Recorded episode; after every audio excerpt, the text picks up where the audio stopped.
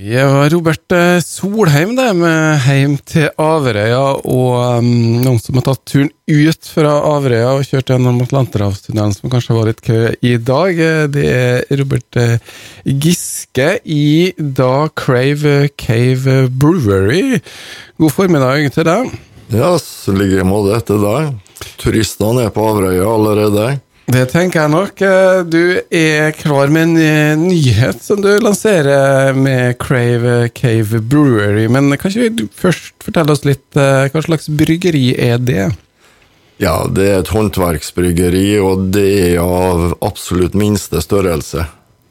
Hva betyr det? Hvor mange liter tar det i batchen, eller i gangen? Ja, det er det de kaller det, vet du. Når du brygger, så en brygger på kjeler, da, og de kjelene jeg har, har en kapasitet på ca. 250 liter. Ja. Og da har de håndbrygging, og eh, da er det å sette her da, Hvor mye produserer de i løpet av et år, da, eller? Det er vanskelig å vite, fordi at eh, vi starta senhøstes 2019, og så kom jo koronaen i 2020 i mars, og da for vår del så sank jo eh, omsetninga nesten til null umiddelbart. Og så var det et lite flipp i sommeren eh, 2020. Litt mer etterspørsel, og så tar det seg opp igjen nå, da. Ja, for det handler om eh, litt sosiale lag eh, når man tar seg et glass eh, øl, og det har jo vært lite av sosial aktivitet siste tida. Er, er, hvordan er interessen for produktet? Altså Det vi produserer er det veldig stor interesse for, og det er lokalt. Og i tillegg er det håndverksbrygger. Og det er mange folk som spør etter akkurat de produktene. Ja, og Hvilken type øl er det i brygge, da? Jeg har jo blitt litt glad i IPA-en, da, men det er kanskje mye mer enn det som fins? Ja da, IPA-en hører med, og det er mange som liker bitterhet. Og så har jeg prøvd å balansere bitterheten sånn at det ikke skal bli en sånn flammeopplevelse i munnen. da. Vi har tsjekkisk lager, vi har en Red Dale fra Edinburgh som vi er veldig stolte av. Og så har vi ja, vi har totalt syv ulike sorter i øyeblikket. Ja, og nå har de da funnet ut at de skal utnytte enda mer lokale råvarer på Averøya, og det er snakk om champagneøl, stemmer det? Ja, nesten. Eh, mjød er jo ikke akkurat som øl, da. Fordi at mjød er brygga på honning som basis, næring for gjæra. Og den honninga er lokalprodusert på Averøya, fra Hasseltun honning, på innersida, så vi si. Og de gikk på meg og lurte på om jeg ikke kunne prøve.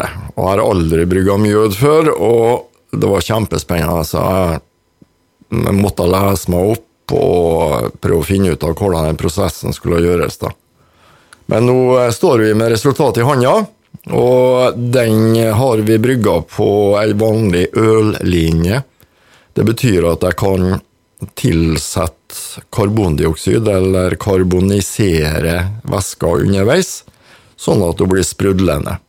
Kullsyra har rett og slett kommet fra den karboniseringa. Ellers så er det vel litt sånn skummelt hvis man gjør det for naturlig vis og ikke av eh, det er en prosess man gjør i etterkant, i hvert fall for at det ikke skal bli spredt opp korker.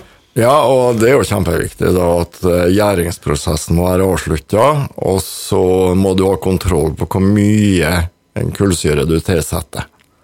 Og da får du sprudlevin. Jeg har jo flaska foran meg her, da.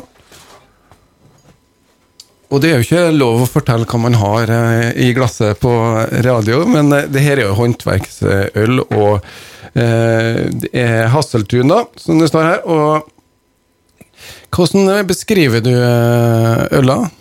Ølet er veldig forskjellig fra det tradisjonelle, den tradisjonelle mjøden, for den er jo veldig tung på honningsmak og veldig mye søtsmak. Den her mjøden er utgjæra. Det betyr at alle sukkerstoff er borte, mens smaksstoffen av honning ligger i bunnen. Så er det en dessert, eller er det en aperitif? Eh, begge deler egentlig, men alt med måte. Ja. Den her er alkoholholdig, eh, nokså høyt. Og så er det slik da at eh, det ikke merkes i hele tatt. For det er også tilsatt urter i eh, mjøden. Eh, mjødurt og litt solbærsirup. Eh, så du merker ikke egentlig at den er tung på alkohol. Og når det i tillegg da er karbonisert eller med sprudler, eh, så skal man være forsiktig. Man skal ta de små, anstendige doser. Ja, det er jo like greit å drikke eh, godt hjemme eller i et vin, ordentlig vinglass, for da får man i hvert fall fram store smaker av de ølglassene som jeg tror man skal nyte den øla i bør være litt romslig og gi litt plass, og, og mm. da sitter man heller og nipper til den, og 11% lar seg høre det. Ja, vi er fornøyd med det, og vi, vi greide egentlig det vi hadde bestemt oss for på forhånd. Og det er kjempeartig. Hvordan får man tak i den? Må man komme og besøke dere? Jeg har ikke lov selv. Nei. Nei. Så den selges da gjennom restauranter og serveringssteder.